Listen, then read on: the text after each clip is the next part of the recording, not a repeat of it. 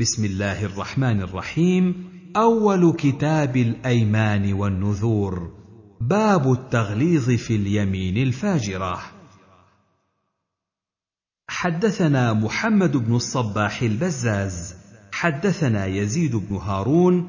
قال أخبرنا هشام بن حسان عن محمد بن سيرين عن عمران بن حسين قال قال النبي صلى الله عليه وسلم من حلف على يمين مصبورة كاذبا فليتبوأ بوجهه مقعده من النار.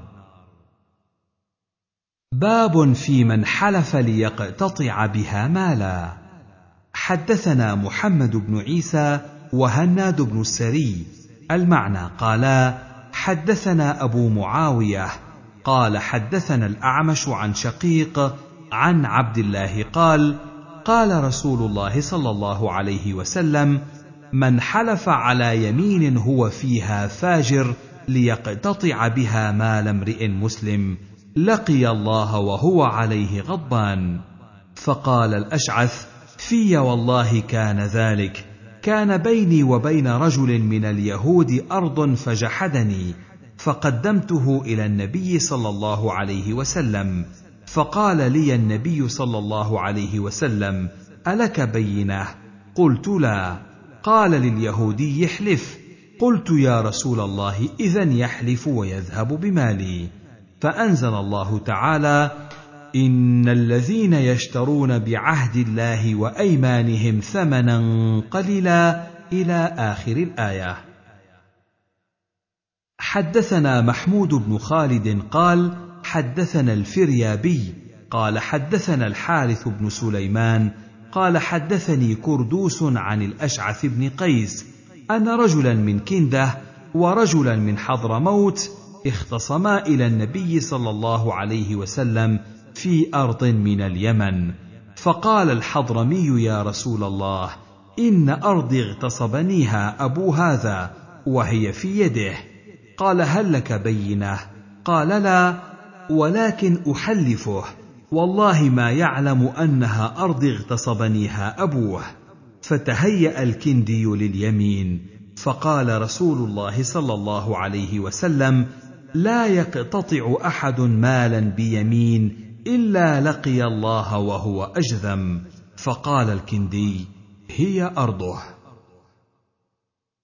حدثنا هناد بن السري قال حدثنا أبو الأحوص عن سماك عن علقمة بن وائل بن حجر الحضرمي عن أبيه قال جاء رجل من حضرموت ورجل من كنده إلى رسول الله صلى الله عليه وسلم فقال الحضرمي يا رسول الله إن هذا غلبني على أرض كانت لأبي. فقال الكندي هي أرضي في يدي أزرعها ليس له فيها حق. قال فقال النبي صلى الله عليه وسلم للحضرمي ألك بينة؟ قال لا. قال فلك يمينه؟ قال يا رسول الله إنه فاجر لا يبالي ما حلف عليه ليس يتورع من شيء. فقال النبي صلى الله عليه وسلم ليس لك منه إلا ذاك. فانطلق ليحلف له. فلما أدبر قال رسول الله صلى الله عليه وسلم أما لئن حلف على مال ليأكله ظالما ليلقين الله وهو عنه معرض. باب ما جاء في تعظيم اليمين عند منبر النبي صلى الله عليه وسلم. حدثنا عثمان بن أبي شيبة حدثنا ابن نمير قال حدثنا هاشم بن هاشم قال أخبرني عبد الله بن نسطاس من آل كثير بن الصلت أنه سمع جابر بن عبد الله قال قال رسول الله صلى الله عليه وسلم لا يحلف أحد عند منبر هذا على يمين آثمة ولو على سواك أخضر إلا تبوأ مقعده من النار أو وجبت له النار. باب اليمين بغير الله. حدثنا الحسن بن علي قال حدثنا عبد الرزاق قال أخبرنا معمر عن الزهري عن حميد بن عبد الرحمن عن أبي هريرة قال قال رسول الله صلى الله عليه وسلم من حلف وقال في حلفه ولات فليقل لا إله إلا الله ومن قال لصاحبه تعال أقامرك فليتصدق بشيء. باب كراهية الحلف بالآباء. حدثنا عبيد الله بن معاذ حدثنا أبي حدثنا عوف عن محمد بن سيرين عن أبي هريرة قال قال رسول الله صلى الله عليه وسلم لا تحلفوا بآبائكم ولا بأمهاتكم ولا بالأنداد ولا تحلفوا إلا بالله. ولا تحلفوا بالله إلا وأنتم صادقون. حدثنا أحمد بن يونس حدثنا زهير عن عبيد الله بن عمر عن نافع عن ابن عمر عن عمر بن الخطاب أن رسول الله صلى الله عليه وسلم أدركه وهو في ركب وهو يحلف بأبيه فقال إن الله ينهاكم أن تحلفوا بآبائكم فمن كان حالفا فليحلف بالله أو ليسكت. حدثنا أحمد بن حنبل حدثنا عبد الرزاق أخبرنا معمر عن الزهري عن سالم عن أبيه عن عمر رضي الله عنه قال سمعني رسول الله صلى الله عليه وسلم نحو معناه إلى آبائكم. زاد قال عمر فوالله ما حلفت بهذا ذاكرا ولا آثرا. حدثنا محمد بن العلاء حدثنا ابن إدريس قال سمعت الحسن بن عبيد الله عن سعد بن عبيدة قال سمع ابن عمر رجلا يحلف لا والكعبة فقال له ابن عمر إني سمعت رسول الله صلى الله عليه وسلم يقول من حلف بغير الله فقد أشرك. حدثنا سليمان بن داود العتكي حدثنا إسماعيل بن جعفر المدني عن أبي سهيل النافع بن مالك بن أبي عامر عن أبيه أنه سمع طلحة بن عبيد الله يعني في حديث قصة الأعرابي قال النبي صلى الله عليه وسلم أفلح وأبيه إن صدق دخل الجنة وأبيه إن صدق. باب كراهية الحلف بالأمانة. حدثنا أحمد بن يونس حدثنا زهير حدثنا الوليد بن ثعلبة الطائي عن ابن بريدة عن أبيه قال قال رسول الله صلى الله عليه وسلم من حلف بالأمانة فليس منا. باب المعاريض في الأيمان. حدثنا عمرو بن عون قال أخبرنا هشيم حا وحدثنا مسدد قال حدثنا هشيم عن عباد بن أبي صالح عن أبيه عن أبي هريرة قال قال رسول الله صلى الله عليه وسلم يمينك على ما يصدقك عليها صاحبك. قال مسدد قال أخبرني عبد الله بن أبي صالح. قال أبو داود هما واحد عباد بن أبي صالح وعبد الله بن أبي صالح. حدثنا عمرو بن محمد الناقد حدثنا أبو أحمد الزبيري قال حدثنا إسرائيل عن إبراهيم بن عبد الأعلى عن جدته عن أبيها سويد بن حنظلة قال خرجنا نريد رسول الله صلى الله عليه وسلم ومعنا وائل بن حجر فأخذه عدو له فتحرج القوم أن يحلفوا وحلفت أنه أخي فخلى سبيله. فأتينا رسول الله صلى الله عليه وسلم فأخبرته أن القوم تحرجوا أن يحلفوا وحلفت أنه أخي. قال صدقت المسلم أخو المسلم. باب ما جاء في الحلف بالبراءة وبملة غير الإسلام. حدثنا أبو توبة الربيع بن نافع حدثنا معاوية بن سلام عن يحيى بن أبي كثير قال أخبرني أبو قلابة أن ثابت بن الضحاك أخبره أنه بايع رسول الله صلى الله عليه وسلم تحت الشجرة. أن رسول الله صلى الله عليه وسلم قال من حلف بملة غير ملة الإسلام كاذبا فهو كما قال ومن قتل نفسه بشيء عذب به يوم القيامة وليس على رجل نذر فيما لا يملكه. حدثنا أحمد بن حنبل حدثنا زيد بن الحباب حدثنا حسين يعني بن واقد حدثني عبد الله بن بريدة عن أبيه قال قال رسول الله صلى الله عليه وسلم من حلف فقال إني بريء من الإسلام فإن كان كاذبا فهو كما قال وإن كان صادقا فلن يرجع إلى الإسلام سالما. باب الرجل يحلف الا يتأدم. حدثنا محمد بن عيسى حدثنا يحيى بن العلاء عن محمد بن يحيى بن حبان عن يوسف بن عبد الله بن سلام قال رأيت النبي صلى الله عليه وسلم وضع تمرة على كسرة فقال هذه إدام هذه. حدثنا هارون بن عبد الله حدثنا عمر بن حفص قال حدثنا أبي عن محمد بن أبي يحيى عن يزيد الأعور عن يوسف بن عبد الله بن سلام مثله. باب الاستثناء في اليمين.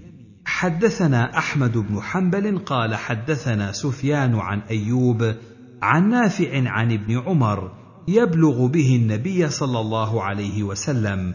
قال من حلف على يمين فقال إن شاء الله فقد استثنى. حدثنا محمد بن عيسى ومسدد وهذا حديثه. قال حدثنا عبد الوارث عن أيوب عن نافع عن ابن عمر قال قال رسول الله صلى الله عليه وسلم من حلف فاستثنى فإن شاء رجع وإن شاء ترك غير حنث باب ما جاء في يمين النبي صلى الله عليه وسلم ما كانت. حدثنا عبد الله بن محمد النفيلي أخبرنا ابن المبارك عن موسى بن عقبة عن سالم عن ابن عمر قال أكثر ما كان رسول الله صلى الله عليه وسلم يحلف بهذه اليمين لا ومقلب القلوب. حدثنا أحمد بن حنبل حدثنا وكيع حدثنا عكرمة بن عمار عن عاصم بن شميخ عن أبي سعيد الخدري قال كان رسول الله صلى الله عليه وسلم إذا اجتهد في اليمين قال والذي نفس أبي القاسم بيده. حدثنا محمد بن عبد العزيز بن أبي رزمة أخبرني زيد بن حباب أخبرني محمد بن هلال حدثني أبي أنه سمع أبا هريرة يقول كانت يمين رسول الله صلى الله عليه وسلم إذا حلف يقول لا وأستغفر الله حدثنا الحسن بن علي حدثنا إبراهيم بن حمزة. أخبرنا عبد الملك بن عياش السمعي الأنصاري عن دلهم بن الأسود بن عبد الله بن حاجب بن عامر ابن المنتفق العقيلي عن أبيه عن عمه لقيط بن عامر. قال دلهم وحدثنيه أيضا الأسود بن عبد الله عن عاصم بن لقيط أن لقيط بن عامر خرج وافدا إلى النبي صلى الله عليه وسلم. قال لقيط فقدمنا على رسول الله صلى الله عليه وسلم فذكر حديثا فيه فقال النبي صلى الله عليه وسلم لعمر إلهك. باب الحنث إذا كان خيرا.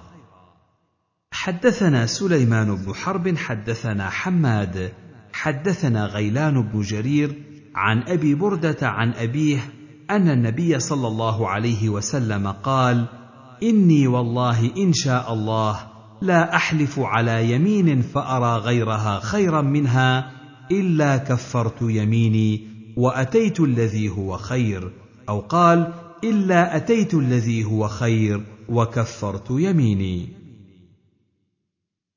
حدثنا محمد بن الصباح البزاز. حدثنا هشيم قال حدثنا يونس ومنصور يعني ابن زازان عن الحسن عن عبد الرحمن بن سمرة قال قال للنبي صلى الله عليه وسلم يا عبد الرحمن بن سمرة إذا حلفت على يمين فرأيت غيرها خيرا منها فأت الذي هو خير وكفر يمينك. قال أبو داود سمعت أحمد يرخص فيها الكفارة قبل الحنث. حدثنا يحيى بن خلف حدثنا عبد الأعلى. قال أخبرنا سعيد عن قتادة عن الحسن عن عبد الرحمن بن سمرة نحوه. قال فكفر عن يمينك ثم أت الذي هو خير. قال أبو داود أحاديث أبي موسى الأشعري وعدي بن حاتم وأبي هريرة في هذا الحديث روي عن كل واحد منهم في بعض الرواية. الحنث قبل الكفارة وفي بعض الرواية الكفارة قبل الحنث. باب في القسم هل يكون يمينا؟ حدثنا أحمد بن حنبل حدثنا سفيان عن الزهري عن عبيد الله بن عبد الله عن ابن عباس أن أبا بكر أقسم على النبي صلى الله عليه وسلم فقال له النبي صلى الله عليه وسلم لا تقسم. حدثنا محمد بن يحيى بن فارس حدثنا عبد الرزاق. قال ابن يحيى وكتبته من كتابه. قال أخبرنا معمر عن الزهري عن عبيد الله عن ابن عباس قال كان أبو هريرة يحدث أن رجلا أتى رسول الله صلى الله عليه وسلم فقال إني أرى الليلة فذكر رؤيا فعبرها أبو بكر. فقال النبي صلى الله عليه وسلم أصبت بعضا وأخطأت بعضا. فقال أقسمت عليك يا رسول الله بأبي أنت لتحدثني ما الذي أخطأت. فقال له النبي صلى الله عليه وسلم لا تقسم. حدثنا محمد بن يحيى بن فارس قال أخبرنا محمد بن كثير أخبرنا سليمان بن كثير عن الزهري عن عبيد الله عن ابن عباس عن النبي صلى الله عليه وسلم بهذا الحديث. لم يذكر القسم زاد فيه ولم يخبره.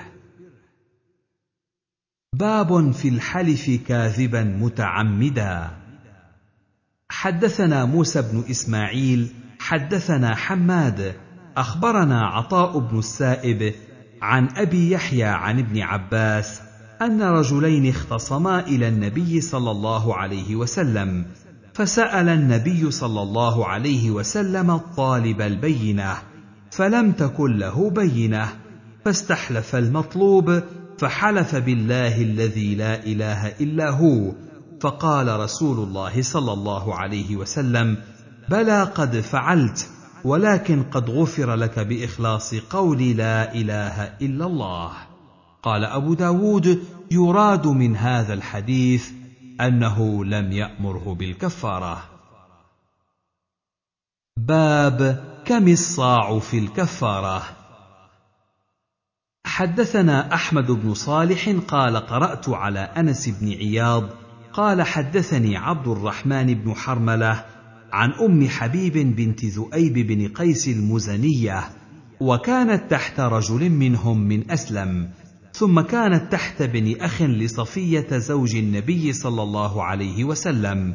قال ابن حرملة فوهبت لنا أم حبيب صاعا حدثتنا عن ابن أخي صفية عن صفية أنه صاع النبي صلى الله عليه وسلم. قال أنس فجربته فوجدته مدين ونصفا بمد هشام. حدثنا محمد بن محمد بن خلاد أبو عمر قال كان عندنا مكوك يقال له مكوك خالد وكان كيلجتين بكيلجة هارون. قال محمد صاع خالد صاع هشام يعني ابن مالك. حدثنا محمد بن محمد بن خلاد أبو عمر. حدثنا مسدد عن أمية بن خالد قال لما ولي خالد القصري أضعف الصاع فصار الصاع ستة عشر رطلا. قال أبو داود محمد بن محمد بن خلاد قتله الزنج صبرا فقال بيده هكذا ومد أبو داود يده وجعل بطون كفيه إلى الأرض. قال ورأيته في النوم فقلت ما فعل الله بك؟ فقال أدخلني الجنة. قلت فلم يضرك الوقف. باب في الرقبة المؤمنة. حدثنا مسدد حدثنا يحيى عن الحجاج الصواف حدثني يحيى بن أبي كثير عن هلال بن أبي ميمونة عن عطاء بن يسار عن معاوية بن الحكم السلمي. قال قلت يا رسول الله جارية لي صككتها صكة فعظم ذلك علي رسول الله صلى الله عليه وسلم. فقلت أفلا أعتقها؟ قال ائتني بها. قال فجئت بها. قال أين الله؟ قالت في السماء. قال فمن أنا؟ قالت أنت رسول الله. قال أعتقها فإنها مؤمنة. حدثنا موسى بن إسماعيل حدثنا حماد عن محمد بن عمرو عن أبي سلمة عن الشريد أن أمه أوصته أن يعتق عنها رقبة مؤمنة. فأتى النبي صلى الله عليه وسلم فقال يا رسول الله إن أمي أوصت أن أعتق عنها رقبة مؤمنة وعندي جارية سوداء نوبية فذكر نحوه أفأعتقها؟ فقال رسول الله صلى الله عليه وسلم أدعوها لي. فدعوها فجاءت فقال لها النبي صلى الله عليه وسلم من ربك؟ فقالت الله قال فمن أنا؟ قالت رسول الله قال اعتقها فإنها مؤمنة. قال أبو داود خالد بن عبد الله أرسله لم يذكر الشريد. حدثنا إبراهيم بن يعقوب الجوزجاني حدثنا يزيد بن هارون قال أخبرني المسعودي عن عون بن عبد الله عن عبد الله بن عتبة عن أبي هريرة أن رجلا أتى النبي صلى الله عليه وسلم بجارية سوداء فقال يا رسول الله إن علي رقبة مؤمنة. فقال لها أين الله؟ فأشارت إلى السماء بإصبعها. فقال لها فمن أنا؟ فأشارت إلى النبي صلى الله عليه وسلم وإلى السماء يعني أنت رسول الله صلى الله عليه وسلم. فقال اعتقها فإنها مؤمنة. باب كراهية النذر.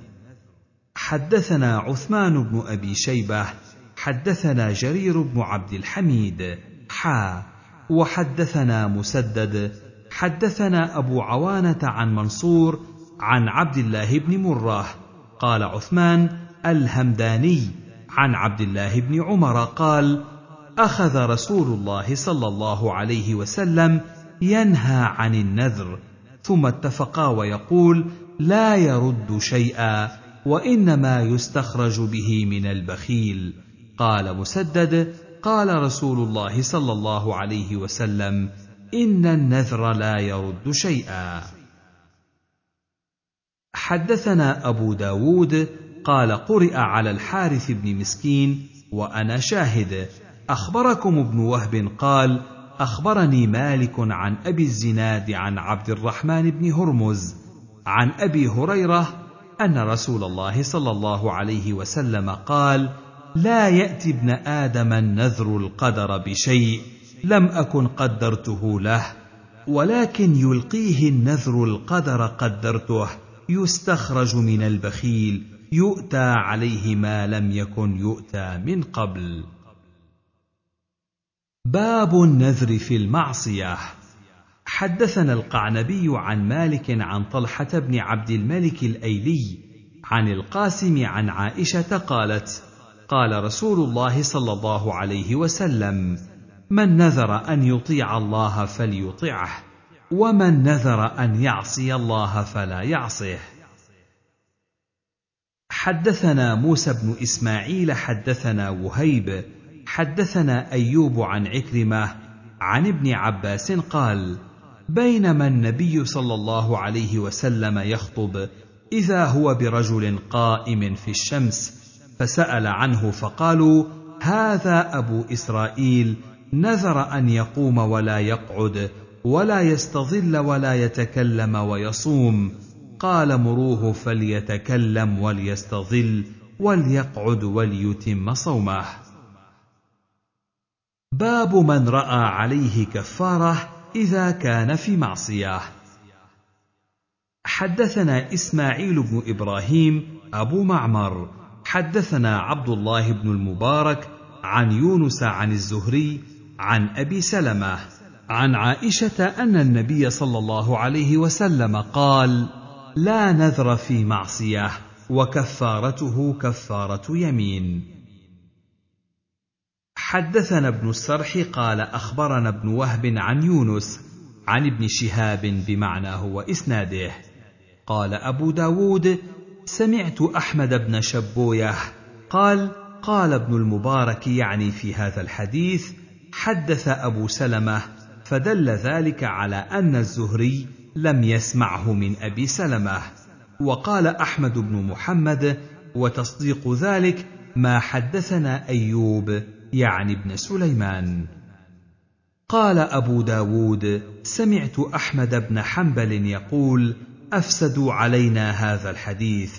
قيل له وصح إفساده عندك وهل رواه غير ابن أبي أويس؟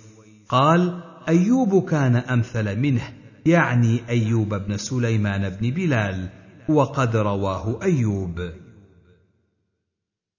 حدثنا أحمد بن محمد المروزي حدثنا أيوب بن سليمان عن أبي بكر بن أبي أويس عن سليمان بن بلال عن ابن أبي عتيق وموسى بن عقبة عن ابن شهاب عن سليمان بن أرقم أن يحيى بن أبي كثير أخبره عن أبي سلمة عن عائشة قالت قال رسول الله صلى الله عليه وسلم لا نذر في معصية وكفارته كفارة يمين. قال أحمد بن محمد المروزي إنما الحديث حديث علي بن المبارك عن يحيى بن أبي كثير عن محمد بن الزبير عن أبيه عن عمران بن حسين عن النبي صلى الله عليه وسلم. أراد أن سليمان بن أرقم وهم فيه وحمله عنه الزهري وأرسله عن أبي سلمة عن عائشة. قال أبو داود روى بقية عن الأوزاعي عن يحيى عن محمد بن الزبير بإسناد علي بن المبارك مثله.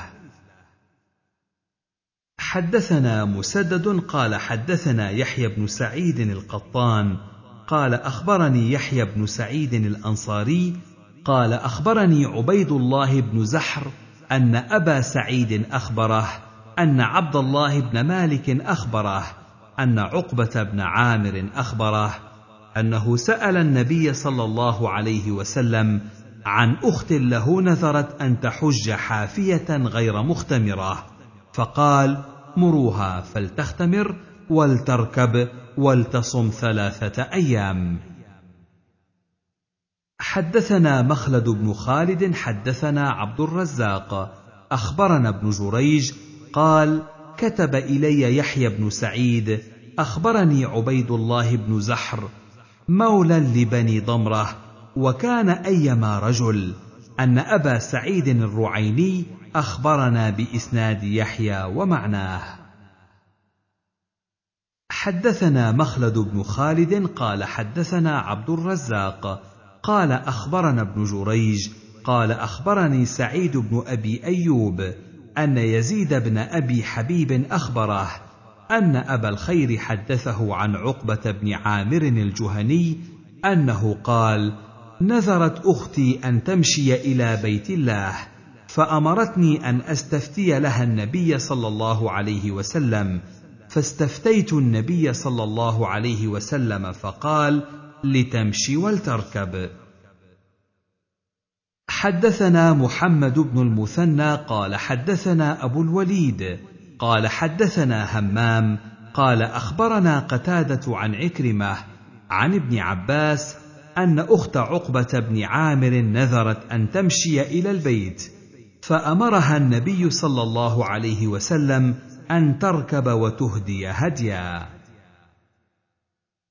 حدثنا مسلم بن إبراهيم قال حدثنا هشام عن قتادة عن عكرمة عن ابن عباس رضي الله عنهما أن النبي صلى الله عليه وسلم لما بلغه أن أخت عقبة بن عامر نذرت أن تحج ماشية قال إن الله لغني عن نذرها مرها فلتركب. قال أبو داود رواه سعيد بن أبي عروبة نحوه وخالد عن عكرمة عن النبي صلى الله عليه وسلم نحوه. حدثنا محمد بن المثنى حدثنا ابن أبي عدي عن سعيد عن قتادة عن عكرمة أن أخت عقبة بن عامر بمعنى هشام لم يذكر الهدي وقال فيه مر أختك فلتركب. قال أبو داود رواه خالد عن عكرمة بمعنى هشام. حدثنا حجاج بن أبي يعقوب قال أخبرنا أبو النضر قال أخبرنا شريك عن محمد بن عبد الرحمن مولى آل طلحة. عن كريب عن ابن عباس قال جاء رجل إلى النبي صلى الله عليه وسلم فقال يا رسول الله إن أختي نذرت يعني أن تحج ماشية. فقال النبي صلى الله عليه وسلم إن الله لا يصنع بشقاء أختك شيئا فلتحج راكبة ولتكفر عن يمينها. حدثنا أحمد بن حفص بن عبد الله السلمي قال حدثني أبي قال حدثني إبراهيم يعني بن طهمان عن مطر عن عكرمة عن ابن عباس أن أخت عقبة بن عامر نذرت أن تحج ماشية وأنها لا تطيق ذلك. فقال النبي صلى الله عليه وسلم إن الله عز وجل لغني عن مشي أختك فلتركب ولتهد بدنه حدثنا شعيب بن أيوب حدثنا معاوية بن هشام عن سفيان عن أبيه عن عكرمة عن عقبة بن عامر الجهني أنه قال للنبي صلى الله عليه وسلم إن أختي نذرت أن تمشي إلى البيت فقال إن الله لا يصنع بمشي أختك إلى البيت شيئا. حدثنا مسدد قال حدثنا يحيى عن حميد الطويل عن ثابت البناني عن أنس بن مالك أن رسول الله صلى الله عليه وسلم رأى رجلا يهادى بين ابنيه فسأل عنه فقالوا نذر أن يمشي. فقال إن الله لغني عن تعذيب هذا نفسه وأمره أن يركب. قال أبو داود رواه عمرو بن أبي عمرو عن الأعرج عن أبي هريرة عن النبي صلى الله عليه وسلم نحوه. حدثنا يحيى بن معين حدثنا حجاج عن ابن جريج قال أخبرني سليمان الأحول أن طاووسا أخبره عن ابن عباس أن النبي صلى الله عليه وسلم مر وهو يطوف بالكعبة بإنسان يقوده بخزامة في أنفه فقطعها النبي صلى الله عليه وسلم بيده وأمره أن يقوده بيده. باب من نذر أن يصلي في بيت المقدس.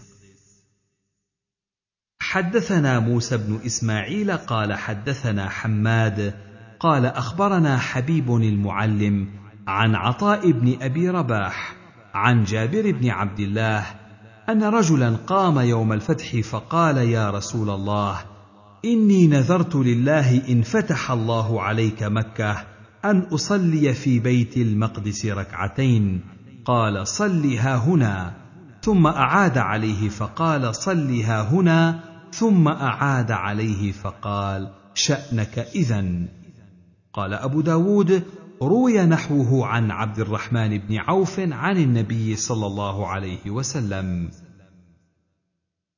حدثنا مخلد بن خالد قال حدثنا أبو عاصم. حا.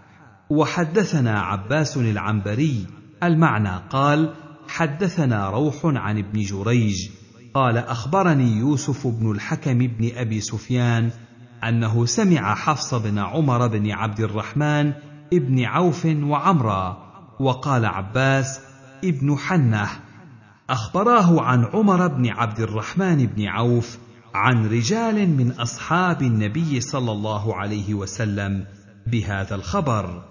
زاد فقال النبي صلى الله عليه وسلم والذي بعث محمدا بالحق لو صليتها هنا لأجزأ عنك صلاة في بيت المقدس. قال أبو داود رواه الأنصاري عن ابن جريج. فقال جعفر بن عمرو قال عمرو بن حيه وقال أخبراه عن عبد الرحمن بن عوف وعن رجال من أصحاب النبي صلى الله عليه وسلم. باب قضاء النذر عن الميت. حدثنا القعنبي قال قرأت على مالك عن ابن شهاب عن عبيد الله بن عبد الله عن عبد الله بن عباس أن سعد بن عبادة استفتى رسول الله صلى الله عليه وسلم فقال إن أمي ماتت وعليها نذر لم تقضه. فقال رسول الله صلى الله عليه وسلم اقضه عنها. حدثنا عمرو بن عون قال أخبرنا هشيم عن أبي بشر عن سعيد بن جبير عن ابن عباس أن امرأة ركبت البحر فنذرت إن نجاها الله أن تصوم شهرا فنجاها الله فلم تصم حتى ماتت. فجاءت ابنتها أو أختها إلى رسول الله صلى الله عليه وسلم فأمرها أن تصوم عنها. حدثنا أحمد بن يونس قال حدثنا زهير قال حدثنا عبد الله بن عطاء عن عبد الله بن بريدة عن أبيه بريدة أن امرأة أتت النبي صلى الله عليه وسلم فقالت كنت تصدقت على أمي بوليدة وإنها ماتت وتركت تلك الوليدة. قال قد وجب أجرك ورجعت إليك في الميراث. قالت وإنها ماتت وعليها صوم شهر. فذكر نحو حديث عمرو. باب ما جاء في من مات وعليه صيام صام عنه وليه. حدثنا مسدد حدثنا يحيى. قال سمعت الأعمش حا. وحدثنا محمد بن العلاء حدثنا أبو معاوية عن الأعمش المعنى عن مسلم البطين عن سعيد بن جبير عن ابن عباس أن امرأة جاءت إلى النبي صلى الله عليه وسلم فقالت إنه كان على أمها صوم شهر أفأقضيه عنها؟ فقال لو كان على أمك دين أكنت قاضيته؟ قالت نعم. قال فدين الله أحق أن يقضى. حدثنا أحمد بن صالح حدثنا ابن وهب أخبرني عمرو بن الحارث عن عبيد الله بن أبي جعفر عن محمد بن جعفر بن الزبير عن عروة عن عائشة أن النبي صلى الله عليه وسلم قال من مات وعليه صيام صام عنه وليه. باب ما يؤمر به من وفاء النذر. حدثنا مسدد قال حدثنا الحارث بن عبيد أبو قدامة عن عبيد الله بن الأخنس عن عمرو بن شعيب عن أبيه عن جده أن امرأة أتت النبي صلى الله عليه وسلم فقالت يا رسول الله إني نذرت أن أضرب على رأسك بالدف. قال أوفي بنذرك. قالت إني نذرت أن أذبح بمكان كذا وكذا. مكان كان يذبح فيه أهل الجاهلية. قال لصنم قالت لا. قال لوثن قالت لا. قال أوفي بنذرك. حدثنا داود بن رشيد قال حدثنا شعيب بن إسحاق عن الأوزاعي قال حدثني يحيى بن أبي كثير قال حدثني أبو قلابة قال حدثني ثابت بن الضحاك قال نذر رجل على عهد النبي صلى الله عليه وسلم أن ينحر ابلا ببوانة. فأتى النبي صلى الله عليه وسلم فقال إني نذرت أن أنحر ابلا ببوانة. فقال النبي صلى الله عليه وسلم هل كان فيها وثن من أوثان الجاهلية يعبد؟ قالوا لا. قال هل كان فيها عيد من أعيادهم؟ قالوا لا. قال النبي صلى الله عليه وسلم أوف بنذرك فإنه لا وفاء لنذر في معصية الله ولا فيما لا يملك ابن آدم.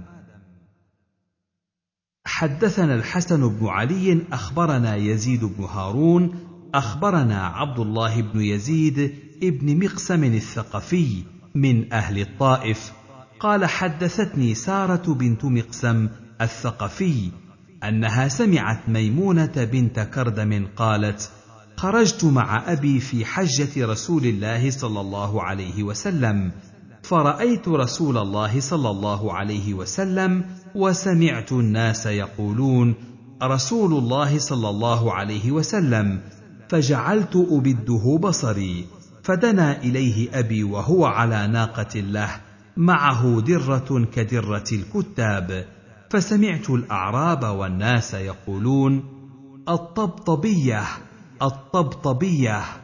فدنا إليه أبي فأخذ بقدمه قالت فأقر له ووقف فاستمع منه فقال يا رسول الله إني نذرت إن ولد لي ولد ذكر أن أنحر على رأس بوانة في عقبة من الثنايا عدة من الغنم. قال لا أعلم إلا أنها قالت خمسين. فقال رسول الله صلى الله عليه وسلم هل بها من الأوثان شيء؟ قال لا. قال فأوف بما نذرت به لله. قالت فجمعها فجعل يذبحها فانفلتت منها شاة فطلبها وهو يقول اللهم أوف عني نذري فظفرها فذبحها.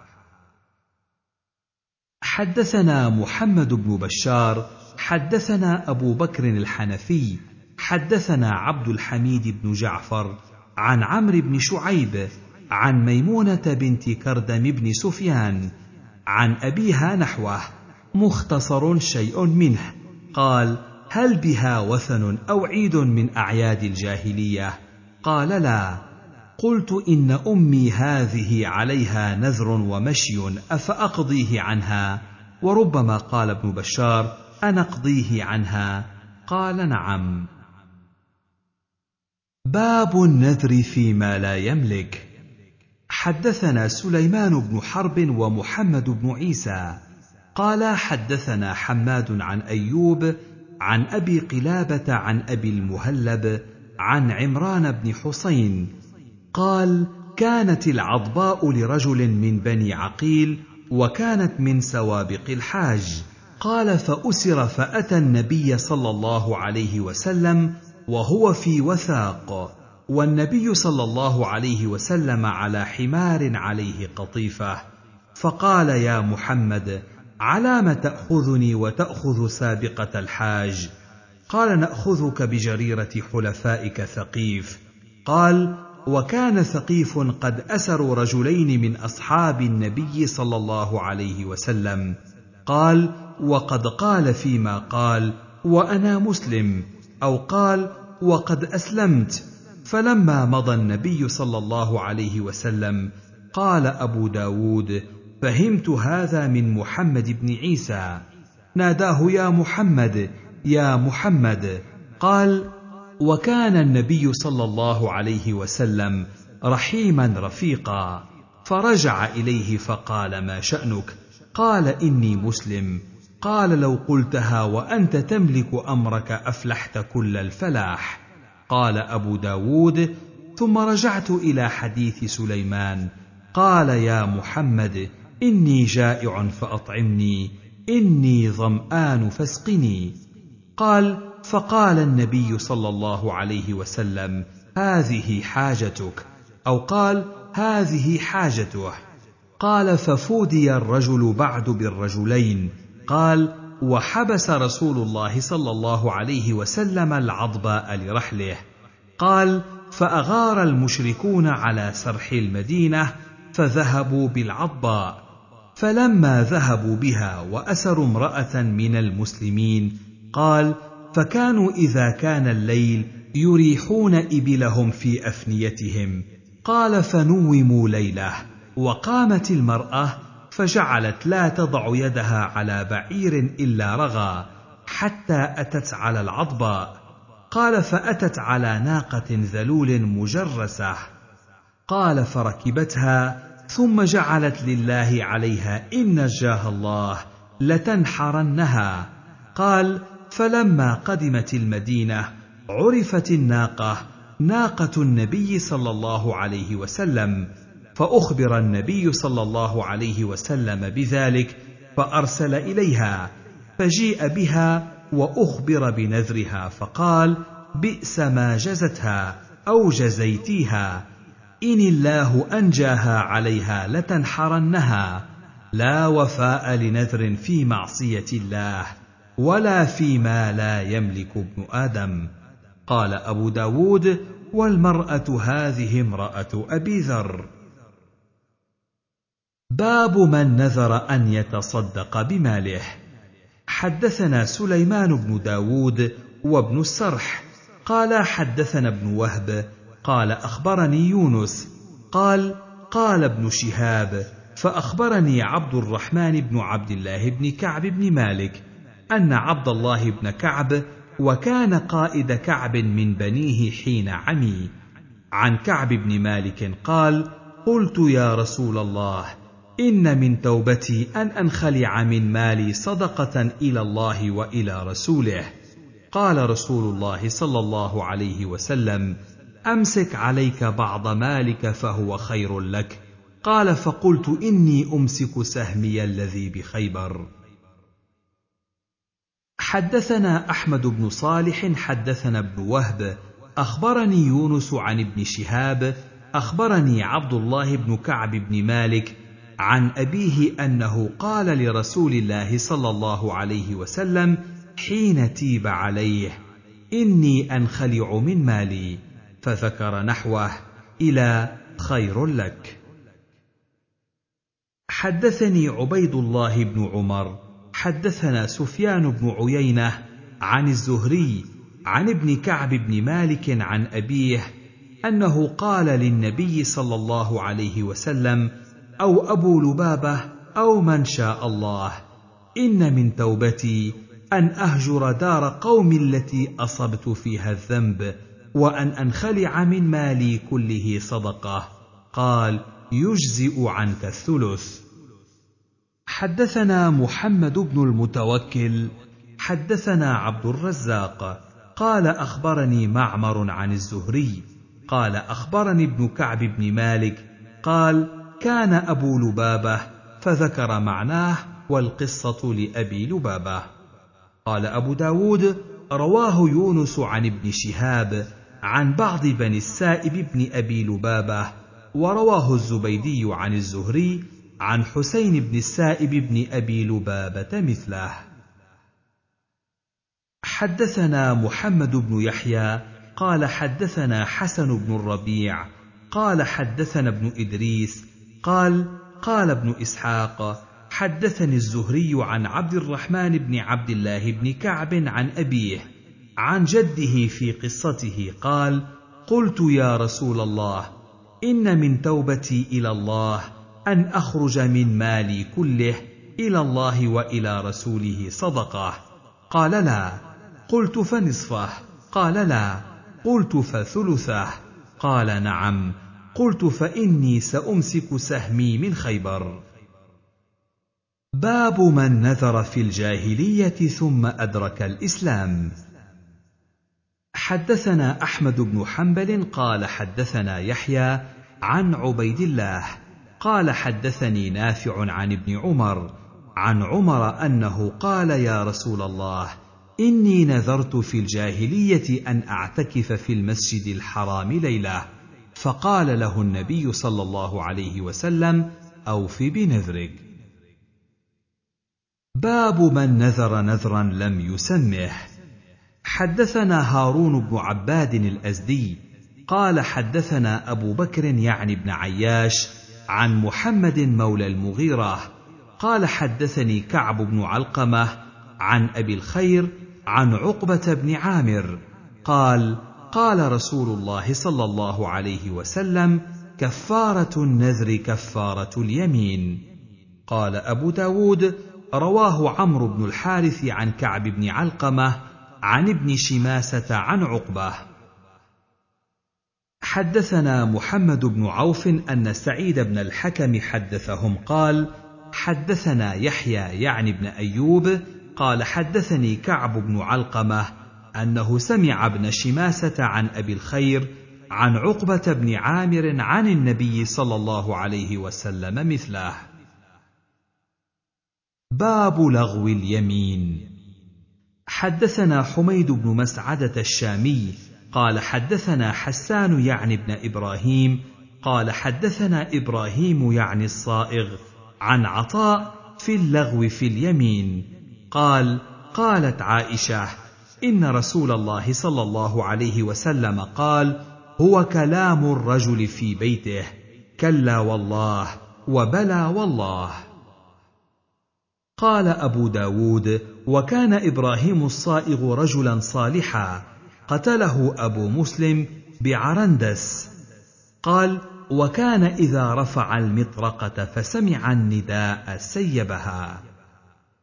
قال أبو داود روى هذا الحديث داود بن أبي الفرات عن إبراهيم الصائغ موقوفا على عائشة وكذلك رواه الزهري وعبد الملك بن أبي سليمان ومالك بن مغول كلهم عن عطاء عن عائشة موقوفا. باب في من حلف على طعام لا يأكله. حدثنا مؤمل بن هشام قال حدثنا إسماعيل عن الجريري عن أبي عثمان أو عن أبي السليل عنه عن عبد الرحمن بن أبي بكر قال نزل بنا أضياف لنا وكان أبو بكر يتحدث عند رسول الله صلى الله عليه وسلم بالليل. فقال لا أرجعن إليك حتى تفرغ من ضيافة هؤلاء ومن قراهم. فأتاهم بقراهم فقالوا لا نطعمه حتى يأتي أبو بكر. فجاء فقال ما فعل أضيافكم؟ أفرغتم من قراهم؟ قالوا لا. قلت قد أتيتهم بقراهم. فأبوا وقالوا والله لا نطعمه حتى تجيء. فقالوا صدق قد أتانا به فأبينا حتى تجيء. قال فما منعكم؟ قالوا مكانك. قال فوالله لا أطعمه الليلة. قال فقالوا ونحن والله لا نطعمه حتى تطعمه. قال ما رأيت في الشر كالليلة قط. قال قربوا طعامكم. قال فقرب طعامهم فقال بسم الله فطعم وطعموا فأخبرت أنه أصبح فغدا على النبي صلى الله عليه وسلم فأخبره بالذي صنع وصنعوا قال بل أنت أبرهم وأصدقهم. حدثنا ابن المثنى قال أخبرنا سالم بن نوح وعبد الأعلى عن الجريري عن أبي عثمان عن عبد الرحمن بن أبي بكر بهذا الحديث نحوه. زاد عن سالم في حديثه قال ولم يبلغني كفارة. باب اليمين في قطيعة الرحم. حدثنا محمد بن المنهال قال حدثنا يزيد بن زريع قال حدثنا حبيب المعلم عن عمرو بن شعيب عن سعيد بن المسيب أن أخوين من الأنصار كان بينهما ميراث فسأل أحدهما صاحبه القسمة فقال إن عدت تسألني عن القسمة فكل مالي في رتاج الكعبة. فقال له عمر إن الكعبة غنية عن مالك كفر عن يمينك وكلم أخاك. سمعت رسول الله صلى الله عليه وسلم يقول لا يمين عليك ولا نذر في معصية الرب وفي قطيعة الرحم وفيما لا تملك.